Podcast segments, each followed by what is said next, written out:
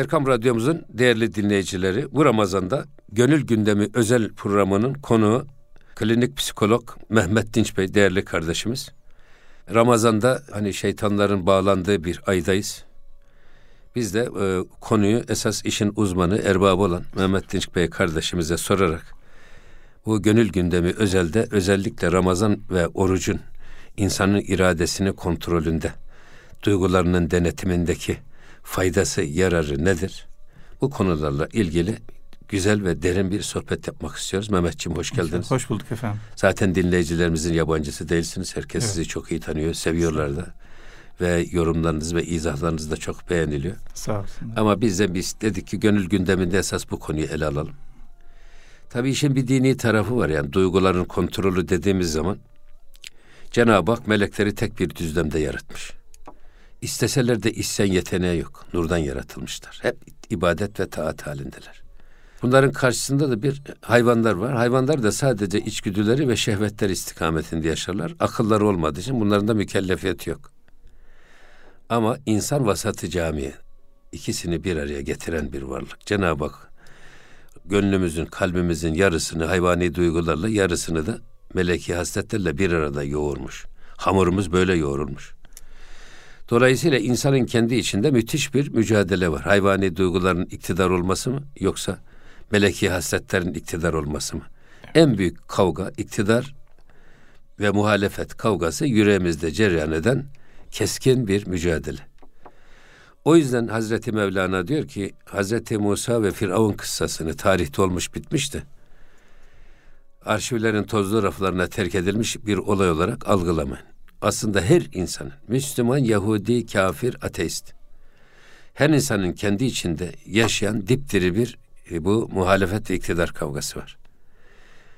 O yüzden burada her insanın kendi içinde Musa'sı var. Musa kendi düşüncelerini sana aktararak, kendi düşüncesinin reklamını yaparak seni kendi tarafına çekmeye çalışıyor. Firavun da tam aksine o da kendi düşüncesini sana aktararak, sana reklam yaparak kendi malını sana pazarlamaya çalışıyor.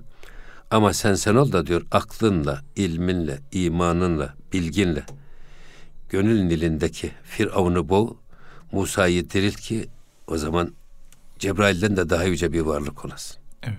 Meleklerden yüce bir varlık olursun çünkü insanoğlunun kendi içinde yeneceği böyle bir müthiş bir direnç var. Bizi içten vuran bir düşman var. Dıştan değil.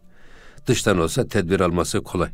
Ama meleklerin böyle bir içten bir direnci yok. Onu yenip de e, efendim daha yükseğe çıkması gibi bir derdi yok. O yüzden insan kendi içindeki bu kavgada Musa'yı diriltip de Firavun'u boğduğu zaman gönül nilinde o zaman o meleklerden yüce bir varlığa dönüşür. Tam onun tersi. Adam içindeki Musa'yı boğar da Allah korusun. Firavun'u diriltirse evet. ve vücut Firavuni isteklerin emrine girerse o zaman bu insanda belhümedel ayet-i kerimesine göre canavardan da daha adi ve tehlikeli bir varlığa dönüşür. Son söz Mevlana diyor ki efendi kimdir, köle kimdir? Efendi diyor nefsinin ve isteklerinin. Bedenindeki hayvani duygularının emiri olan, aklıyla onları kontrol altında tutan, imanıyla, bilgisiyle onları denetleyen, efendim insan efendi ama tam bunun tersi bu hayvani duygularının, heva ve heveslerinin esir olansa köledir. Evet. Dolayısıyla şimdi gelelim Mehmetçiğim yani bu Ramazan mübarek günde bu özellikle Ramazan ve orucun. Aslında Ramazan ve oruç dememek lazım da insan hayatında bu duyguların denetimi, efendim insanın kendi iradesinin kontrollü yaşamı, alışkanlığı edinmesi. Ramazan ve oruç bunu takviye eden, bizi buna alıştırmaya çalışan bir ibadet. Dolayısıyla bu konuda dinleyicilerimize neler söyleyebilirsiniz? Evet hocam tam buyurduğunuz noktadan ben devam etmiş olayım. Bahsettiğiniz konuyla alakalı Kızılderililerinde çok meşhur bir hikayesi vardır. Bir tane Kızılderili reisi evinin önünde torunuyla oturuyor. Önlerinde de iki tane köpekleri var. Biri siyah, biri beyaz. Kavga ediyorlar. Hem oynuyorlar hem kavga ediyorlar. Bu Kızılderili reisi torununa ders vermek istiyor. Diyor ki evlat diyor bak iyilikle kötülük dünyada hep böyle kavga eder diyor. Siyahı kötülük olarak düşün, beyazı iyilik olarak düşün diyor. Hep böyle kavga ederler, birbirleriyle güreşirler, uğraşırlar diyor. Çocuk heyecanla diyor ki, iyilik yener değil mi dede diyor. Dede diyor ki yok diyor. Ben hangisini beslersem o yener diyor. Şimdi evet. bu anlamda baktığımızda çok güzel ama içimizdeki tam buyurduğunuz iyilik ve kötülük meylinle ile alakalı bilmemiz gereken çok çok önemli bir şey var. Biz hangisini beslersek o galip gelecek. O yüzden nasıl beslediğimiz, nasıl hareket ettiğimiz, nasıl davrandığımız, ne yaptığımız, ne düşündüğümüz, ne dinlediğimiz, ne konuştuğumuz, ne gördüğümüz bizim doğru davranmamızda, iyiliği beslememizde, kötülüğü zayıflatmamızda çok çok önemli. Ama burada baş aktör biziz. Yani insanlara bakıyorum hayatlarında sanki figüran gibiymiş gibi davranıyorlar. Yani bir film oynuyor ben bu filmde hiç rolü olmayan, hiç sözü olmayan, hiç yeri olmayan figüranım, görüntüyüm sadece diye bakıyorlar. Kendisi gibi yaşamıyor ki. Ya kendisi gibi yaşamıyor. Başkalarının evet, istediğine göre evet, yaşıyor. Evet, maalesef. Halbuki hepimiz kendi hayatımızın başrol oyuncusuyuz. Evet. Dolayısıyla o başrol neyi gerektiriyorsa ona göre davranmak lazım. Bu anlamda işte iki tarafa da meylimiz varsa biz iyiliğe olan tarafı beslemeye gayret etmemiz lazım ama biz gayret edeceğiz buna. E, dedemin bir tane sözü var derdi ki sokma akıl yedi adım gider derdi. Yani dışarıdan e, bir insan sizi zorlasa bir yere kadar gider ama içeriden olması lazım. Bununla alakalı da güzel bir şey okudum geçenlerde. Diyor ki değişim dışarıdan olursa kırar öldürür diyor. İçeriden olursa hayat verir diyor. Yumurta örneğini vermiş. Yani yumurtayı dışarıdan kırsanız ya, e, öldürür. Allah Allah. Ama içeriden olsa bir can gelir, bir can hayata e, gelir. O yüzden değişim içeriden gelecek. Ama zaten can olacak. ayet-i kerimede de böyle.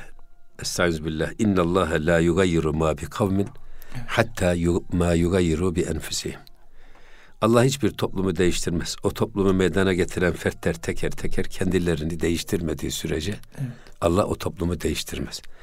Yani toplumsal değişimin dinamiği bireysel değişimden geçiyor. Kesinlikle. Demek ki bu bireysel değişimin de dinamiği dışarıdan bize zorla yaptırılan değişimden değil. değil Tabii. Kendi içimizden gelen değişim. Evet. Yani yumurta örneğinde olduğu evet, gibi. Evet, evet, evet. Güzel. Bu anlamda işte bizim madem ki böyle iki tane meylimiz var, biz bir tanesini oldukça güçlemeli, beslemeli, doldurmalı, bir tanesini de zayıf bırakmalıyız. Ama bunu hakikaten gündemimize almamız lazım. Mesela insanlar büyük gündemler yapıyorlar. Halbuki büyük gündeme gerek yok. Günlük gündem yapmakta fayda var ki güç yetirilebilir, uygulanabilir olsun. Yani ben şu kadar iyi bir insan olacağım. Ne zaman? Yarın. Yarın oluyor yarın. Yarın oluyor yani, yarın. Yarına çıkacağı O da belli değil. Tabii var? bir de hedef o kadar büyük ki nereden tutacağını, nereden başlayacağını bilemiyor. Zaten hedefin büyüklüğünden morali bozuluyor. Yapamam deyip geri çekiliyor. Halbuki şöyle küçücük bir hedef belirlese, sabah kalksa dese ki e, çok güzel bir kavram vardır psikolojide tercih edilen benlik diye. Benim bugün tercih ettiğim benliğim kim? Nasıl bir insan olmak istiyorum? Neyi beslemek istiyorum, neyi beslememek istiyorum, neyi güçlendirmek istiyorum, neyi zayıf bırakmak istiyorum ve bunun için ne yapabilirim? Bu anlamda da işte ben bugün iyiliğimi beslemek için, kendi iyi tarafımı beslemek için ne okuyacağım, ne göreceğim, ne dinleyeceğim, ne konuşacağım, ne yapacağım? Yani bu beş soruyu sorsun.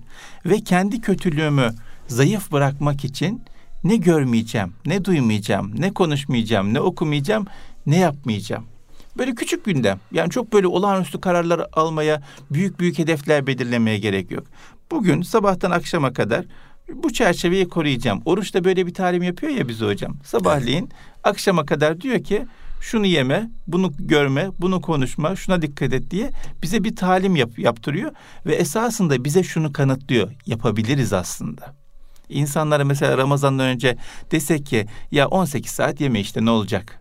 Normalde 18 saat nasıl aç kalayım der. Çok acıktım der. 7-8 saat sonra açlıktan ölüyorum. Niye sofrayı kurmadınız diye eşine çocuğuna bağırmaya başlar. Halbuki Ramazan'da 18 saat, 17 saat aç kalabiliyor insan. Demek ki olabiliyormuş. Ama değişim işten geliyor da ondan. Tabii değişim işten, işten geliyor. geliyor o yüzden içeriği hareketlendirdiğimiz zaman bu değişimle alakalı insan kendi kendine karar verdiği zaman ben bugün iyi tarafımı besleyeceğim, kötü tarafımı zayıf bırakacağım ki iyi tarafım neşvi neva etmiş olsun, nema etmiş olsun ve e, büyümüş olsun, güçlenmiş olsun. Kötü tarafım zayıf kalmış olsun diye e, çok ciddi fayda olacağını düşünüyorum. Dolayısıyla Birinci olarak belki iradeyi gündeme getirdiğimizde ilk yapmamız gereken şey şu. irade ile alakalı bir irade gösterip iyi tarafı besleyip kötü tarafı zayıf bırakmaya yönelik kararlar almak lazım. Günübirlik kararlar almak lazım. Şimdi Mehmetçiğim ben Buyurun bir şey arz edeyim size. Bizim de Ramazan hilalle başlar değil mi? Hı hı. Hilalle başlar, hilalle biter. Evet.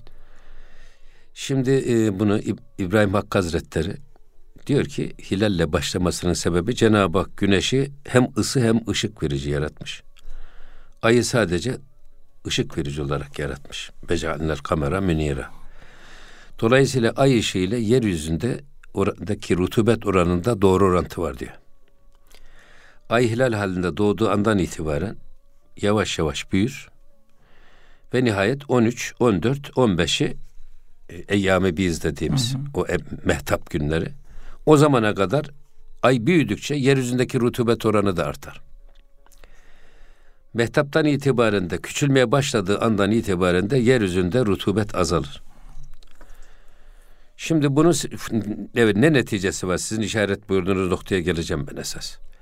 Şimdi felsefede bütün Hristiyan, İslam ve bütün Yahudi yani felsefesinde de kainat dört ana unsur üzerinde bina edilmiş. Hava, su, ateş, toprak. Su ve toprak bizim bedeni tarafımızı, hayvani tarafımızı besleyen ve büyüten kaynak. Ya su, ya toprak ya da bunların bileş, yetiştirdiği et ya da ot.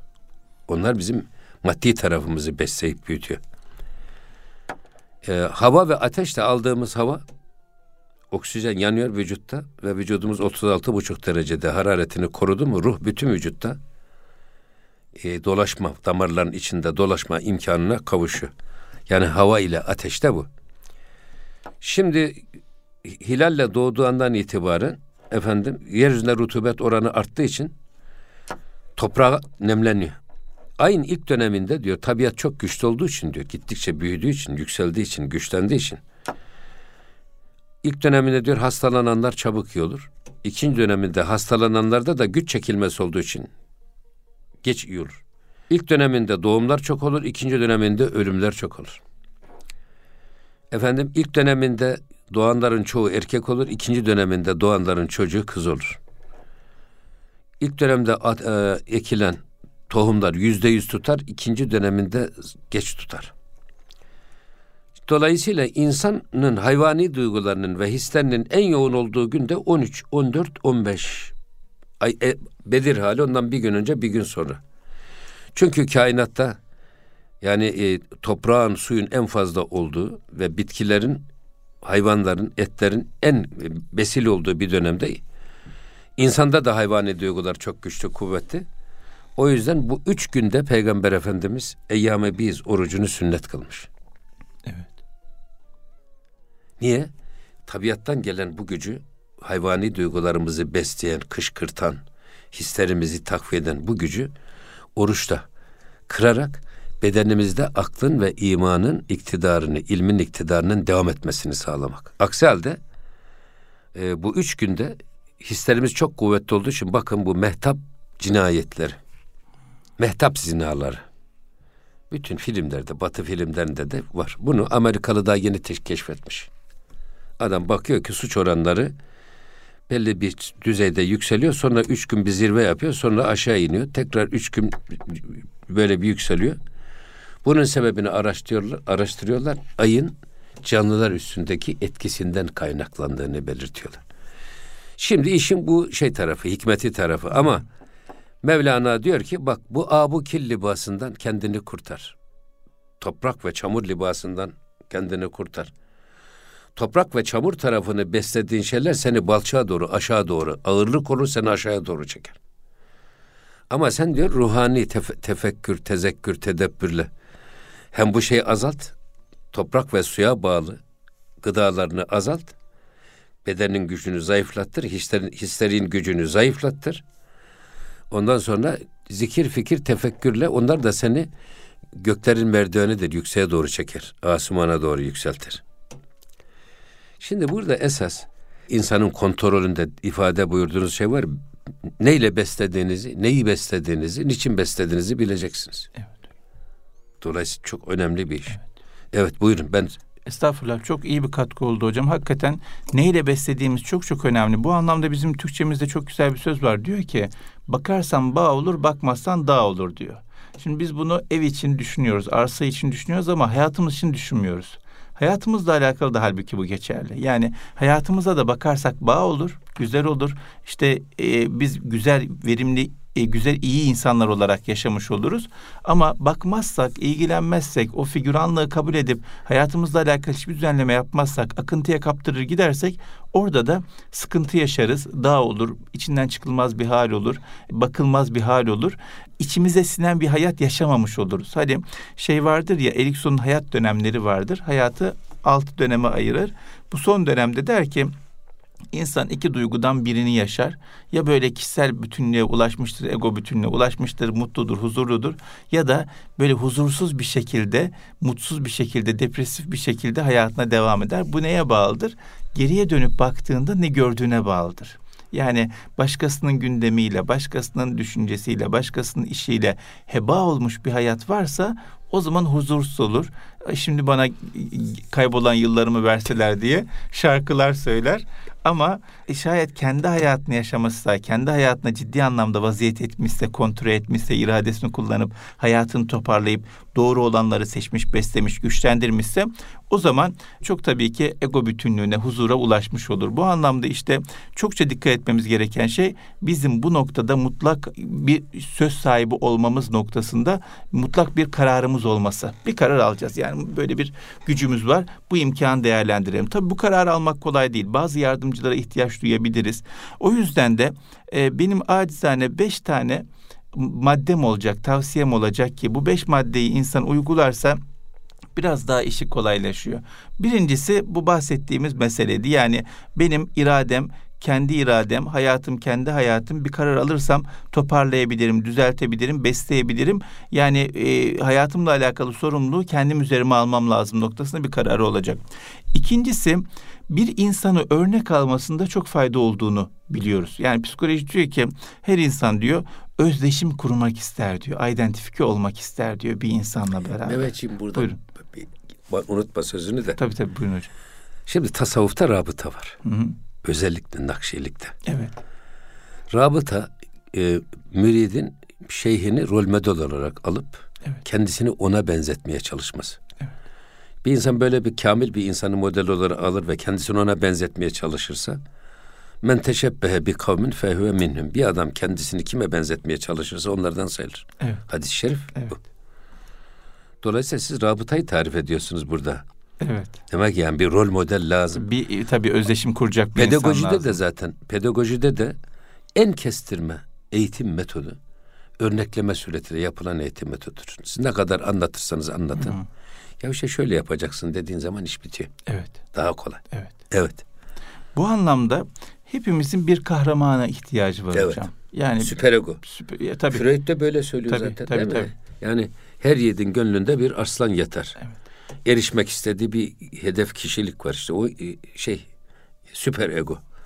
Dolayısıyla buraya siz yanlış adamları, yanlış modelleri korsanız... Tabii. Şöyle bir şey var. Şimdi e, insanlar bunun farkına varmadıkları için veya e, önemsiz gördükleri için e, diyor ki mesela ben kendim olacağım diyor. Ben gençlerle çalışırken soruyorum. Diyorum ki örnek aldığım biri var mı? Onun gibi olmak istediğim bir insan var mı? Yok diyor. Niye diyorum? Diyor ki ben kendim olacağım diyor. Halbuki e, sistem otomatik olarak ihtiyaç olduğu için atıyor birini.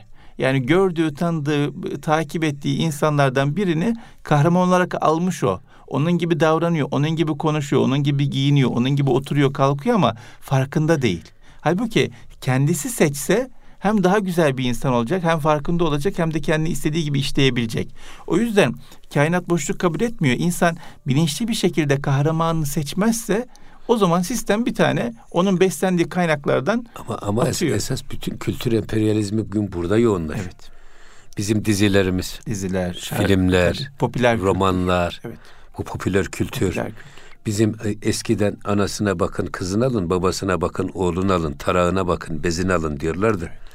Şimdi artık kundaktaki bebek bile esaret altındadır. Evet. Bizim çocuğumuzu bizim elimizden alan, onlara tamamen bizim dışımızda, zihniyetimizin dışında, hatta bizim ahlaksız diyebileceğimiz tipleri onlara rol model gibi takdim ederek bizim çocuğumuz onlara kendilerini benzetmeye çalışıyor. Evet. İşte kültür emperyalizminin getirdiği şey bu. O yüzden bizim çok dikkat etmemiz Tabii. lazım. Evet. Bizim kendimiz de ciddi anlamda sıkıntı Evet. yaşıyoruz. Yani Evet. bakıyorum ben insanlar işte şikayet ediyorlar şuna benziyor buna benziyor diye. Hatta bir sosyoloğun tespiti var. Diyor ki gençler diyor iki bacaktan birine sahip olmak istiyorlar. Ya futbolcu bacağı ya manken bacağı diyor.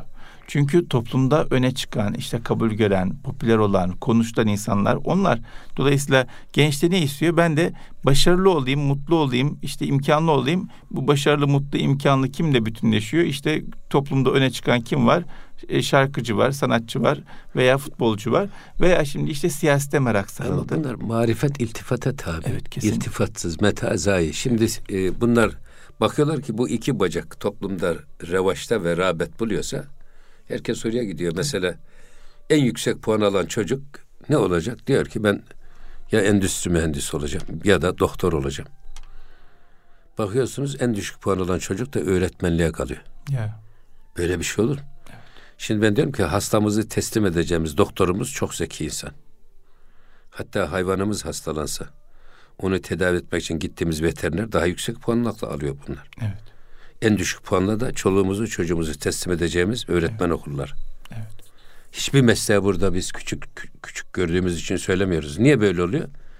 Doktorun şeysi daha yüksek. Maddi imkan. Maddi imkanları ya da veterinerin işte statüsü öbürünün- veya toplumdaki statüsü. statüsü. Dolayısıyla herkes e, ona iltifat ettiği için rağbet de o tarafa doğru oluyor. E, ama bizim esas burada rağbeti sadakate, rağbeti doğruluğa, rağbeti güzelliğe, zenginliğe adapte ederseniz yani eşeği altından elbise giydirirseniz eşek yine eşektir. Ne olacak yani? Evet. Yani zenginlik bir şey değil ki. Sonra zenginlik bugün varsa yarın da yok olabilir. Her şey zenginlik diye değerlendirilmemeli ya da maddeye göre değerlendirilmemeli. Ama Kısa vadeli düşünmemek lazım. Evet, uzun biz vadeli uzun vadeli lazım. düşünmek lazım. Bu anlamda işte konuşma içeriğimizin ben çok e, acizane önemli olduğunu düşünüyorum hocam. Yani kimin hakkında konuşuyoruz? Bakıyorum insanlar futbolcular hakkında konuşuyor. İnsanlar işte siyasetçiler hakkında konuşuyor, gazeteciler hakkında konuşuyor. E bunu tabii çocuklar da takip ediyor, gençler de takip ediyor. Bu sefer ne yapıyorlar? Diyorlar ki e, gündem ne, konuşulan ne, popüler olan ne? Demek ki başarılı olan, doğru olan odur diye bir alt mesaj çıkartıyorlar. Her ne kadar o verilmiş, verilmemiş olsa da. Geçen gün bulunduğumuz, oturduğum yerin merkezinde böyle 3-5 tane zabıta heyecanlı heyecanlı konuşuyorlar. Vazife verilmiş oranın trafiğini kontrol etsinler diye. Heyecanlı heyecanlı konuşuyorlar böyle. Dedim ki Allah Allah bir durum mu var, bir olay mı var, bir yeni bir uygulama mı yapılacak acaba, bir problem mi çözüyorlar bu memleketle alakalı? Böyle güzel, ciddi heyecanlı konuşuyorlar, dikkatler üst düzeyde. Böyle bir yanlarından geçerken bir kulak verdim. Diyor ki Galatasaray'ın bonoları öyle değil şöyle falan diye bir futbol takımının bonolarından bir şeylerinden falan bahsediyorlar. Yani sana ne arkadaşım Galatasaray'ın Ya bonosundan. şimdi bakın Mehmetciğim 10 sene önce oynanmış maçın bugün Yani hem de çok böyle anlı şanlı adamlar tarafından televizyon ekranlarında tartışıldığını görüyorum. 10 sene önce oynanmış, bitmiş. Ya da işte evvelsi gün oynanmış bir maç. Galip belli, mağlup belli, gol atan belli. Şimdi bunu bir ateşte ateşte tartışıyorlar. evet. Ya bunu milletin önünde tartışmak yerine ben belki antrenörler, futbolcular gelirler. O maçı tekrar izlerler. Nerede hata yaptık ya da nerede daha iyi yaptık filan. Bunları belirlemek için yapılır ama yani bir ans- bir insanın hatta bir toplumun önünde toplumun zihni olmuş bitmiş lüzumsuz bu işlerle bu kadar meşgul edilir mi? evet. Bunlar da hepsi bir proje. Toplumu yönlendirmek ve yönetmek için bir proje. O yüzden yani konuşma içeriğimiz bence çok çok önemli. Bunu konuşuyorsak bu da başka bir mesaj veriyor esasında. Kendimiz için önemli olan nedir, kıymetli olan nedirle alakalı bir mesaj veriyor. O yüzden e, bu iyiliği beslemekle alakalı belki ilk yapmamız gereken şeylerden bir tanesi dilimize gelen ne, gün içerisinde konuştuklarımız neler. Çünkü eskiler buyururlar ya bir insanın dudağına en yakın kulak kendi kulağıdır. O konuşmalarından da en çok kendi etkilenir diye. Ne konuşuyorum ben? Kimin hakkında konuşuyorum? Neyle ilgili konuşuyorum? Gandhi'nin de bununla alakalı çok güzel bir sözü var. Diyor ki konuştuklarınıza dikkat edin diyor davranışlarınız olur. Davranışlarınıza dikkat edin. Diyor ki konuşmadıklarınıza dikkat edin düşünceleriniz olur. Düşüncelerinize dikkat edin davranışlarınız olur. Davranışlarınıza dikkat edin alışkanlıklarınız olur. Alışkanlıklarınıza dikkat edin karakteriniz olur. Karakterinize dikkat edin kaderiniz olur diyor. Ya çok güzel. Yani bu çok konuşmadan başlıyor. güzel. Evet çok O yüzden hiç şey yapmamak lazım. Ee, sözü e, değersiz görmemek, kıymetsiz görmemek lazım. Hatta Efendimiz Sallallahu bir tane sahabe söz ola ya, kese savaşı, yani, söz ola kestire başı. Söz ola ağılı aşı, bal ile yağ ede bir söz. Söz öyle e, küçümsenemez kesinlikle. Sahabeden bir tanesi Efendimiz diyor ya insan söylediklerinden dolayı cehenneme girer mi diye. Efendimiz Aleyhisselam buyuruyor ya neden girer yani söylediğinden girmezse Tabii. neden girer diye. O yüzden e, sözün çok ciddi bir ağırlığı var. Sözümüzü çok ciddi bir e, elekten geçirmemiz lazım. Yani söz orucu da tutmamız lazım. Sözle alakalı da böyle bir e, tercih yapmamız, irade kullanmamız, irade göstermemiz lazım. Ben her şeyi konuşmayacağım her dilime gelen her şeyi söylemeyeceğim diye, aklıma gelen her şeyi söylemeyeceğim diye bir dikkat etmek lazım. Bu dönemde belki en çok sıkıntı yaşadığımız konulardan bir tanesi insanların e, zihniyle aklı demiyorum çünkü akıl kullanılmıyor. Akıl kullanılsa böyle olmaz. Zihniyle, bilinciyle dili arasında hiçbir süzgeç yok. Yani ne geliyorsa aklına anında söylüyor. Sonrasında çok pişman oluyor. Sonrasında e, onulmaz kayıplara, onulmaz zararlara sebep olabiliyor ama geçmiş oluyor. Diyorlar ya ok gibidir atıldı mı gider geri dönmez diye. Haris Öyle bin Esed el muhasebi yani bu kelamda, tefsirde, fıkıhta hemen hemen bütün klasik İslam ilimlerin temel taşlarından birisi İmam-ı Gazali'nin hocası, şeyhi. Onun tarikatına muhasebiye tarikatı demiş, muhasebe. Adam diyor ki Müslümanlığın esas temeli kişinin kendi kendisini muhasebe denetleyebilmeyi bilmesidir. Evet. Biz geçmiş genellikle diyor biz muhasebeyi geçmişte olmuş bitmiş işler üzerinde yaparız. Ya işte geçti günümüz, hayrımız mı çok, şerrimiz mi çok? Evet bu faydalı bir şey. Ama geçmişi tekrar önümüze geri getirip de böyle bir film şeridi gibi değiştirmek imkanımız yok. Olmuş. Evet. Olan olmuş, ölen ölmüştür. Bitti. Artık geçmişi değiştirme imkanımız yok. Orada diyor ki esas muhasebe geleceğe dönük yapılan muhasebedir. Haris bin Esedel muhasebe. Bunun için de diyor bir sözü söylemeden önce hesabını kendi içinde yap. Ya bunu şöyle mi söylesem, böyle mi söylesem, şu kelimelerle mi söylesem, hangisi daha etki, etkili olur? Bunun hesabını, kitabını yaptıktan sonra getirisi varsa söyle, götürüsü varsa sus. Ya hayır söyle ya sus. Bir adımı atmadan önce hesabını yap. Ya bu adım atarsan bu adımın bana hayrı mı var, şerri mi var? İyilik mi getirir, kötülük mü getirir? İyilik getiriyorsa atacaksınız. Kötülük getiriyorsa atmayacaksınız.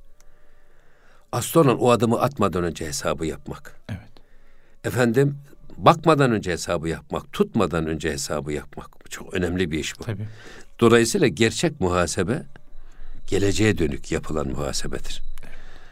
Hatta burada şunu da söylüyor. Esas bir insan geçmişe takılarak, geçmişle uğraşırken şu içinde bulunduğumuz an gitti mi bir daha geri gelme. Dolayısıyla geçmişe takılıp kalma. Sen esas içinde bulunduğun su sıcak ana konsantre ol. Gelecek hayali de kurma.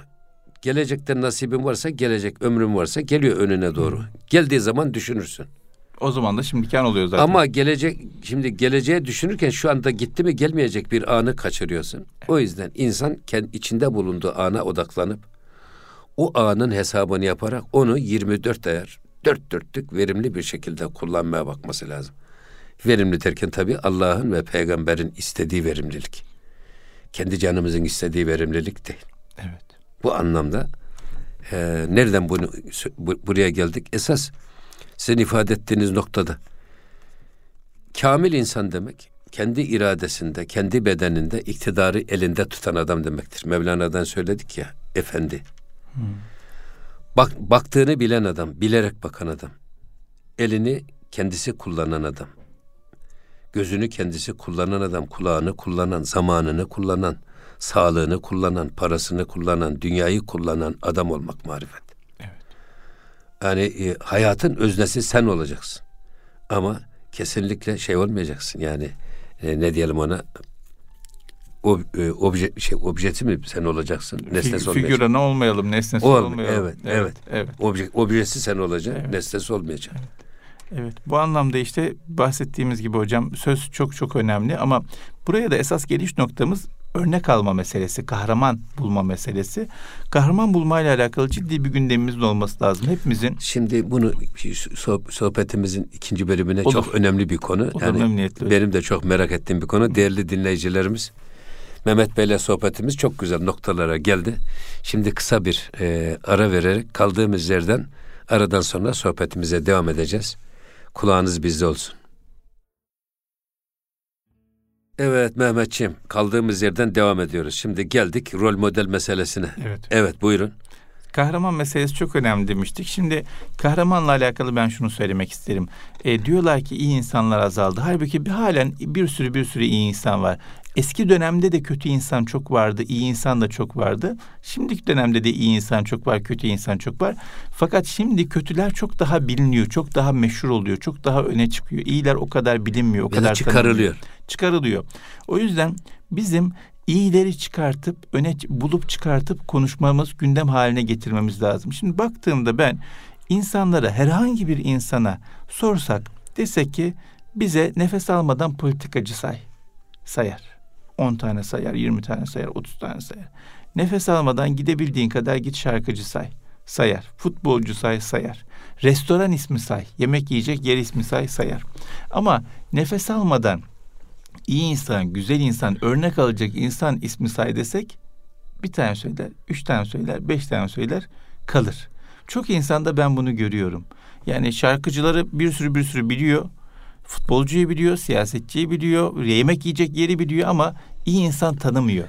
Halbuki bunun peşine düşmek Mevlana lazım. diyor ki tekstilcidir adam diyor kumaşın bakar bakmaz hem fiyatını bilir hem kalitesini bilir de kendisini bilmez Ya, diyor. Yani ya, insan- tabii, tabii. Şimdi adam ta Porto Rico takım adı mı Porto Rico onun futbolcularını sayıyor Ya. kendi işini sayamıyor adam Evet. yani. Evet. Bu da bir şey. Bizi İmamı Şafii Hazretleri'nin nefsini sen sürekli hak ve hakikatten meşgul et. Eğer sen onu hak ve hakikatten meşgul etmezsen nefsin seni batıl ve boş faydasız işlerle meşgul eder. Bir daha iyiye ve güzele dönme fırsatı bile vermez sana. Evet. Öyle hocam. Öyle Şimdi bu hocam. demek ki hayat tab- e, Birleşik Kaplar Kanunu gibi biz onu müsbetle doldurmamız lazım. Doldurmazsak onun yerine geliyor menfi işgal ediyor. Evet. İkincisi de diyor ki zaman kılıç gibidir. Sen onu kesmezsen o seni keser. Evet. Dolayısıyla zamanımızı da biz hakim olacağız. Biz kontrol edeceğiz. Zamanı biz kullanacağız. Zaman bizi kullanmayacak. Kamil insan bu. Zaten pedagojide belki siz daha iyi bilirsiniz. Pedagojide insanımı tanımlarken self servis insan yetiştirme ilmi. Hı hı. Ne demek self servis?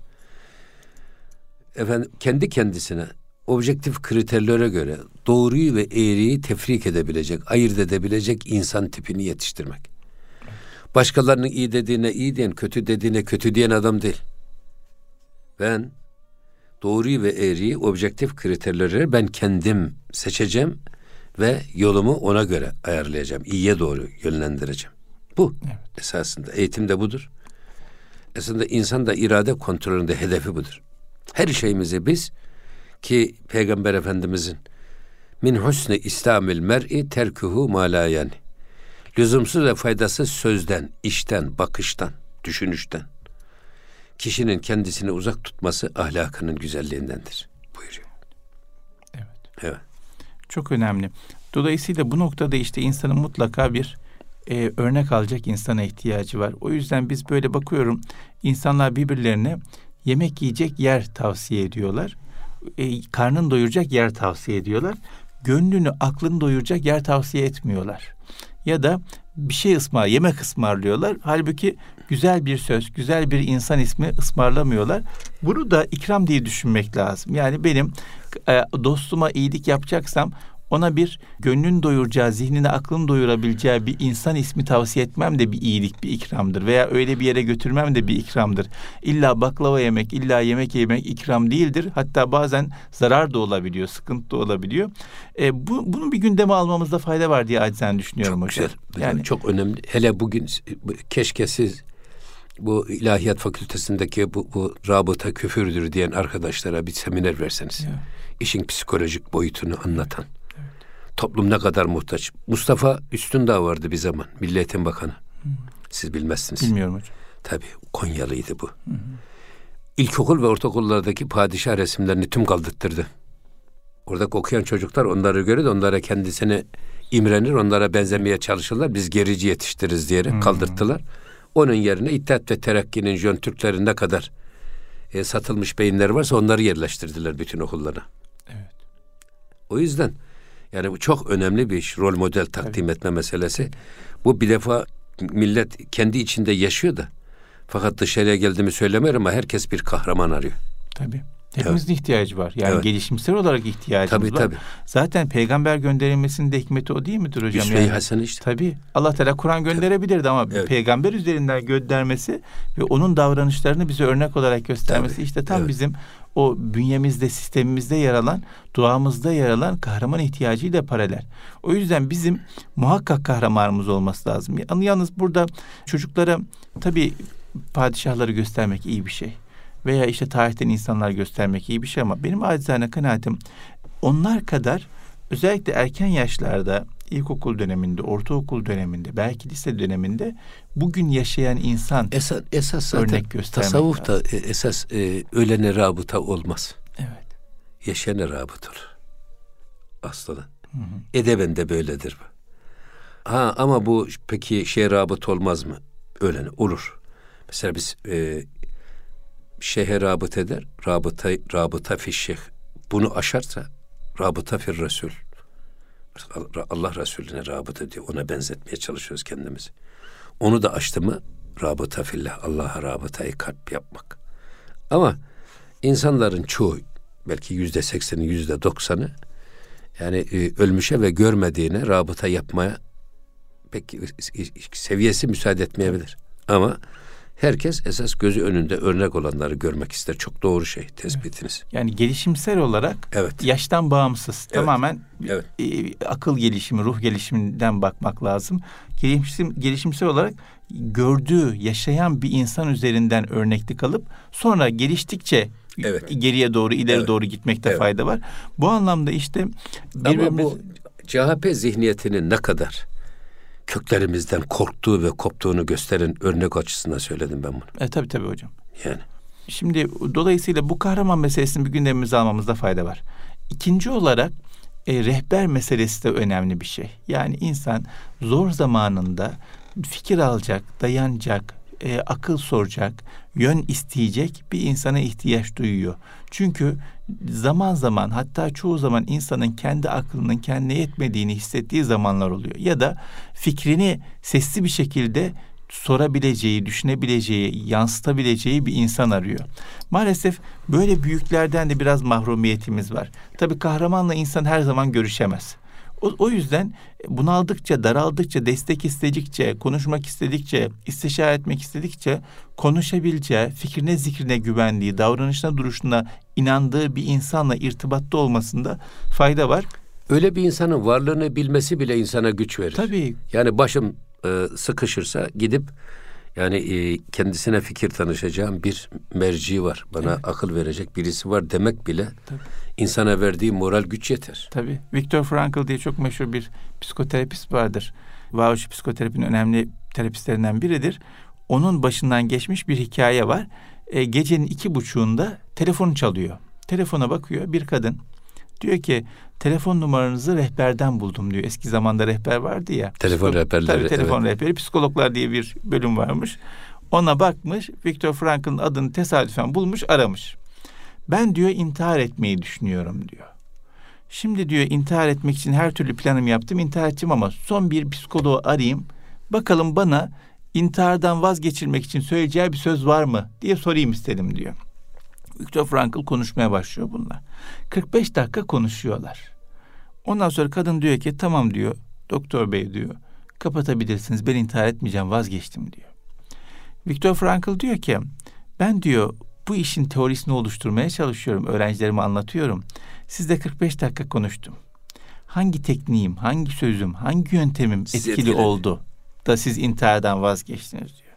Diyor ki doktor bey diyor doğrusu diyor hiçbir sözünüz, hiçbir yönteminiz öyle çok etkili oldu diyemem ama şunu bilmek beni intihardan vazgeçirdi. Gecenin iki buçuğunda hiç tanımadığı bir insana uykusundan fedakarlık yapıp 45 dakika ayıracak güzel kalpli insanlar var. Bunu bilmek ya, bana güç evet. verdi ve ben intihardan vazgeçtim diyor. Evet. Dolayısıyla buyurdunuz ya bazen varlığını bilmek bile, evet. orada olduğunu bilmek bile insana evet, güç verir. Güç veriyor. Hakikaten insan başı sıkıştığında, bunaldığında arayacak bir insanın olduğunu bilmesi inanılmaz büyük bir güçtür. Bununla alakalı güzel bir hikaye var. Adamın bir tanesi bir parkta oturuyor. Bir fırıncı, pasta, pastane fırın gibi bir yeri var. Batmış, iflas etmiş. Ne yapacağım diye düşünüyor. O kadar üzgün, o kadar dertli, o kadar mutsuz ki. Neyse yanına bir ihtiyar adam geliyor. Selam veriyor. Çok üzgün görünüyorsunuz. Ne oldu? Hayırdır diyor. Diyor ki sormayın diyor. İşte ben diyor şöyle iflas ettim, böyle zarar ettim, şöyle battım. Rezil oldum, aileme rezil oldum, dostlarıma rezil oldum. Borç alıp vereceğim insanlara rezil oldum vesaire anlatıyor hikayesini. Bugün diyor yıllardan beri tırnaklarımla kazdığım, açtığım, o kadar fedakarlık yaptığım şu karşıdaki dükkanımda kapatacağım diyor. Adam diyor ki ben diyor size bir iyilik yapmak istiyorum. Bakın diyor şu şehrin öte yakasında gördüğünüz diyor tepesini gördüğünüz gökdelen diyor benim gökdelenim diyor. Maddi durumum çok iyi. Ve diyor size iyilik yapmak istiyorum. Şimdi diyor size bir çek yazayım diyor. Bir milyonluk diyor. Siz diyor yeniden sarılın diyor. Bunu aldığınızda bu çeki bozdurun diyor. Alın bu çeki istediğiniz zaman bozdurabilirsiniz diyor. Alın diyor. Adam gerçekten mi diyor? Gerçekten diyor. Al diyor. Bunu aldığın zaman bozdur. Çok teşekkür ederim. Minnettarım size diyor. Ben diyor göreceksiniz diyor size borcumu ödeyeceğim diyor. Ne zaman ödeyeyim size nasıl ödeyeceğim diyor. Diyor ki bir sene sonra bugün burada buluşalım diyor. Adam bir sene boyunca bir gayrete geliyor. Çalışıyor, uğraşıyor, didiniyor, emek veriyor vesaire. Bunu alırsam çeki bozdururum diye risk alıyor. Bunu alırsam çeki bozdururum diye daha çok uğraşıyor. Bunu alırsam çeki bozdururum diye bunaldığında, daraldığında yese düşmüyor. Teslim olmuyor, mücadeleyi bırakmıyor. Bir sene geçiyor. Hiç çeki bozdurmasına ihtiyaç kalmıyor ve işlerini toparlıyor, düzeltiyor, iyi bir noktaya geliyor. O parka o adamla buluşmaya gidiyor. Teşekkür edecek. Güzel de bir pasta yapıyor. Bekliyor bekliyor adam yok. Bekliyor bekliyor adam yok.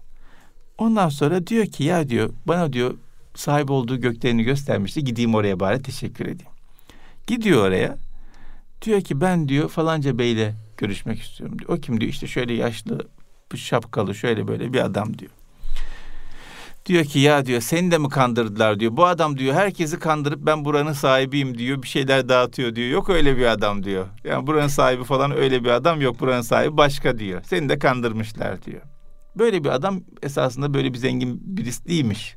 O çek de gerçek değilmiş. Ama yalan bir çekim verdiği güven bile o destek bile adamın kendini kurtarmasına sebep olmuş. Dolayısıyla yalan bir çek bu kadar destek olursa gerçek bir insan, gerçek bir dost insanın hesapsızca destek alabileceği, görüşebileceği, dertleşebileceği, sırtını dayayabileceği bir dost çok, ne kadar büyük çok bir önemli, güçtür. Çok önemli tabii. O yüzden e, iradeyi kullanmakla alakalı kahramandan sonra bir örnek aldıktan sonra insanın düştüğü zaman ayağa kalkmasına yardımcı olacak e, bir büyüğünün, bir rehberin olmasında ona yol gösterecek. Şimdi Mehmetciğim yine bakın gittikçe rehberlik, üniversitelerde rehberlik gittikçe önemli hale geliyor. Tabii.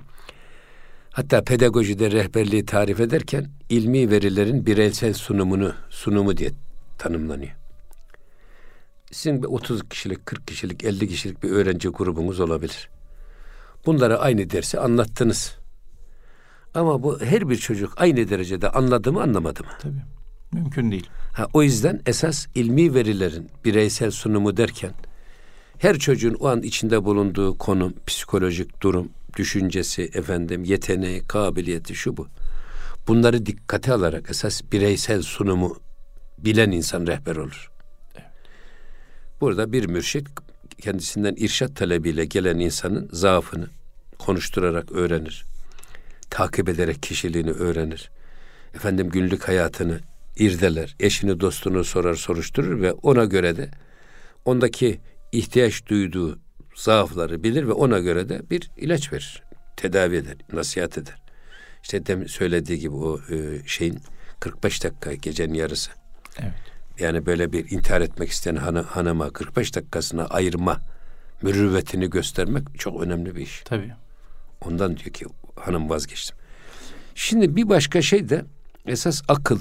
Biz hani duyguların denetimi diyoruz, iradenin denetimi diyoruz aklın hislerin hakim olması lazım. ilmin ve imanın, aklın, akıl da hislerin hakim olması lazım. Mesela Allah şehveti vermiş. Her insana vermiş şehveti. Ama şehvetimizi biz aklımızla, imanımızla, bilgimizle kullanırsak ne ala. Yok şehvet bizi kullanırsa, aklımızı esir alırsa Allah korusun. O insan hayvandan daha adi bir dereke doğru gider. Hırs. Her hırs insanda belli bir oranda lazım. Bizi tramplen vazifesi görür. Bir noktadan daha üst noktalara sıçramak için motivasyon unsuru olarak kullanırız. Tamam ama bu yine aklımızın, imanımızın ve ilmimizin kontrolünde olursa, hırsımızı biz kullanırsak güzel. Evet. Ama hırs aklımızı esir alırsa ihtiras. İşte o ihtiras haram. Hırsın kullandığı insan. İhtiras dediğimiz mi Arapçada? Hı hı. Dolayısıyla burada e, akıl çok önemli bir nimet. Aklı olmayanın dini yok. Yani mükellefiyette de akıl önemli ama akıl Arapçada egel var. Bağlamak demek. Tutmak demek. Bu Arapların başörtüsünün etrafındaki bir siyah şey var ya ona egel diyorlar. Evet. Başörtüsünü tutan şey. Akıl esasında Cenab-ı Hak insana niye diye vermiş aklı? Bedenin her isteğini yerine getirmesi için değil, onu frenlemesi için vermiş. Balata bir frendir akıl. Evet. Süzecek. Ha kulağımızla, aklımızla kullanırsak kulağımızı kulağımızla her gelen sesi duymayacak. Onu da süzeceğiz. Neyi duyup neyi duymayacağımıza, neyi dinleyip neyi dinlemeyeceğimize bizim karar vermemiz lazım. Neye bakıp neye bakmayacağımıza yine bizim karar vermemiz lazım. Burada aklın duyguların denetimindeki önemi çok büyük. Ama Ramazan ve orucun bu duyguların denetiminin geliştirilmesindeki özellikle psikolojik olarak önemi nedir? Evet. Ramazan ve oruç tabi duygularımızı kontrol etme noktasında bize bir ispat imkanı sağlar ve güç sağlar. Şimdi güzel bir söz var diyor ki dost bağına bahanesiz girilmez diyor. Yani dost bağına girmek için bile bir bahaneye ihtiyaç var. İnsanlarla alakalı da insanlar kendilerini değerlendirdiklerini düşündüklerinde kendilerini kontrol etmek için bir bahane arayabiliyorlar veya kendi kendilerini ispat etmek için duygularını, düşüncelerini kontrol ettiklerini bir meydan arayabiliyorlar. Ramazan bu anlamda ciddi bir fırsat sunuyor bize. Hem egzersiz yapma imkanı sunuyor hem de kendimize kendimizi ispat etme imkanı sunuyor. Bu anlamda önemli bir imkan var yine Ramazan'da. O da şu toplu bir kontrol sistemi olduğu için insan e, birbirinden destek alarak, birbirinden model alarak, birbirinden güç alarak devam edebiliyor. Yani mesela bir insan Ramazan dışında oruç tutsa Yapamaz mı bunu? Yapabilir ama Ramazan'daki kadar başarılı olabilir mi 30 gün boyunca peş peşe tutması? Ramazan'da kadar başarılı olması biraz daha zor. Niçin? Çünkü herkes oruç tutuyor. Sağa bakıyor oruç tutuyor, sola bakıyor oruç tutuyor, arkadaş oruç tutuyor, kardeş oruç tutuyor, annesi babası oruç tutuyor. Dolayısıyla bir e, toplumsal destek mekanizması içerisinde iradesini kullanmış oluyor. Yani bu biraz şöyle bir şey. Çocuk yeni yürümeye başladığı zaman ellerinden tutup yürütürler ya düşmesine karşı destek olsunlar diye. Sonra kendi kendine yürümüş olur. Ramazan sanki bizi ellerimizden tutuyor. Hadi iradeni kullanabilirsin gibi bizi tıp tıp tıp yürütüyor. Ondan sonra Ramazan bittiğinde artık yürüyebilirsin. Kendi 30 gün oldu. Kendi ayaklarının üzerinde durur evet, hale gelebilirsin diyor. Ramazan irademizin kontrolü ve ipleri elimize almamız için iyi bir imkandır hayatımızda istemediğimiz süreçler söz konusuysa, kendimize söz geçirmekte zorluklar yaşıyorsak, e, duygumuzu, düşüncemizi, davranışlarımızı istediğimiz gibi yönlendiremiyorsak bir problemimiz var. Bu problemle alakalı en büyük sebeplerden bir tanesi hayatın iplerinin elimizde olmaması, iyi tarafımızı beslemekte biraz eksik kalmamız. Ramazan bir dönemdir, bir milattır. İnsan böyle bir başlangıç noktası ister, bir milat ister. Biz bu Ramazan'ı 2016 yılının Ramazan ayını kendimize bir milat olarak belirleyelim. Diyelim ki ben diyelim ipleri elime alacağım bu Ramazan itibariyle. Çünkü izafi de olsa böyle bir başlangıç noktası istiyor insan. Bu başlangıç noktasını alalım. Diyelim ki biz bu Ramazan'ı irademi daha kuvvetlendirmek için e, hayatında doğru yanlış ayrımın tefrikini yapabilmek için aklımı kullanmak için buyurdunuz ya akıl bağlayacak duygumuz düşüncemizi aklımı daha iyi kullanabilmek için kendime söz geçirebilmek için doğru ile yanlışı ayırt edip doğruyu besleyip yanlışı beslememek için bir milat olarak kabul edeceğim. Ramazan'ın eğitmenliğine tabi olacağım ve 30 günün sonunda Bu da çok önemli. Bitiş noktası olarak da nereden itibaren kendi ayaklarımda duracağımın mesajını kendime vermem de çok önemli. 30 günün sonunda da kendi ayakları üzerinde duran, yürüyen bir insan olabileceğim.